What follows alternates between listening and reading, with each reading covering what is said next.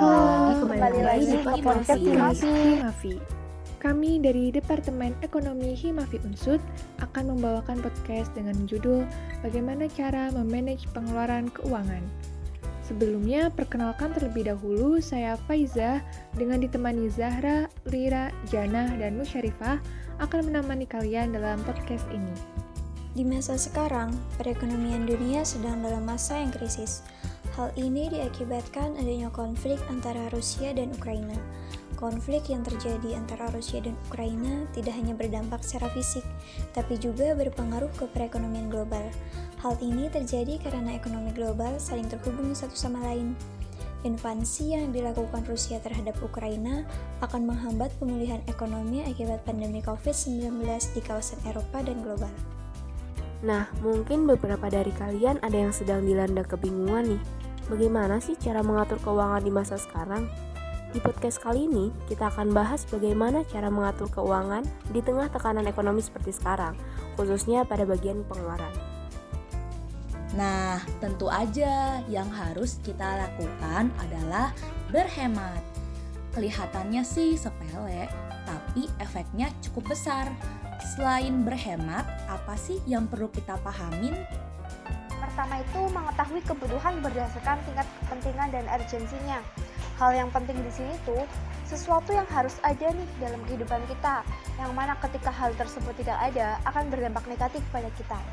Sementara itu, hal yang urgent di sini adalah sesuatu yang mendesak, yang harus dipenuhi nih pada saat itu juga atau dalam waktu dekat. Mengapa kita perlu mengelompokkan hal tersebut? Karena kebutuhan yang penting dan urgent setiap individu berbeda-beda. Seperti contohnya, kita sebagai mahasiswa, kebutuhannya tentu berbeda dengan kebutuhan ibu rumah tangga. Nah, di sini kita bakal jelasin nih tingkatan kebutuhan hidup berdasarkan kepentingan dan urgensinya.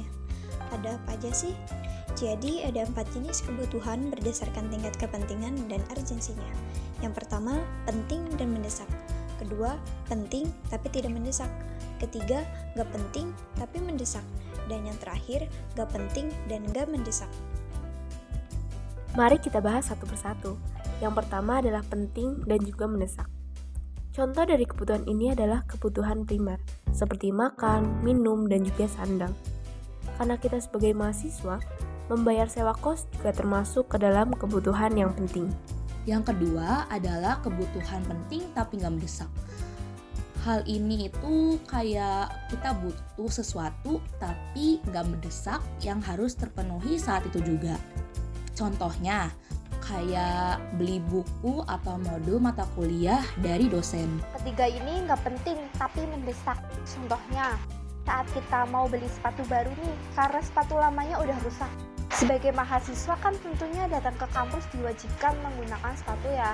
Jadi kalau sepatu yang lama udah rusak, kita harus beli lagi yang baru. Dan yang terakhir, kebutuhan yang nggak penting dan nggak mendesak. Contohnya itu pakaian modal terbaru yang terkadang menarik mata khususnya kaum hawa. Di zaman sekarang tentunya kita tahu aplikasi seperti TikTok, Instagram yang banyak spill-spill terkait pakaian model terkini yang bikin kita tergiur padahal kita tuh nggak terlalu butuh dan itu bukan hal yang sangat mendesak. Karena kita ingin menekan pengeluaran, maka kita harus rela menahan diri. Kita perlu juga mengeliminasi hal-hal yang gak penting dan gak mendesak. Jika diperlukan, kita juga dapat mengeliminasi hal-hal yang gak penting tapi mendesak. Contohnya, barang-barang flash sale yang belum tentu kita pakai, karena hal tersebut menjadikan kita sebagai pribadi yang konsumtif. Jangan sampai kita berhemat dengan mengurangi makanan yang bernutrisi demi pakaian kekinian yang sebenarnya tuh kita nggak terlalu membutuhkan hal itu. Selain itu, jangan lupa untuk selalu catat pengeluaran kita di buku khusus agar sistem pemasukan dan pengeluarannya lebih tertata dan juga teratur. Mungkin itu saja pembahasan kita mengenai bagaimana cara kita memanage keuangan.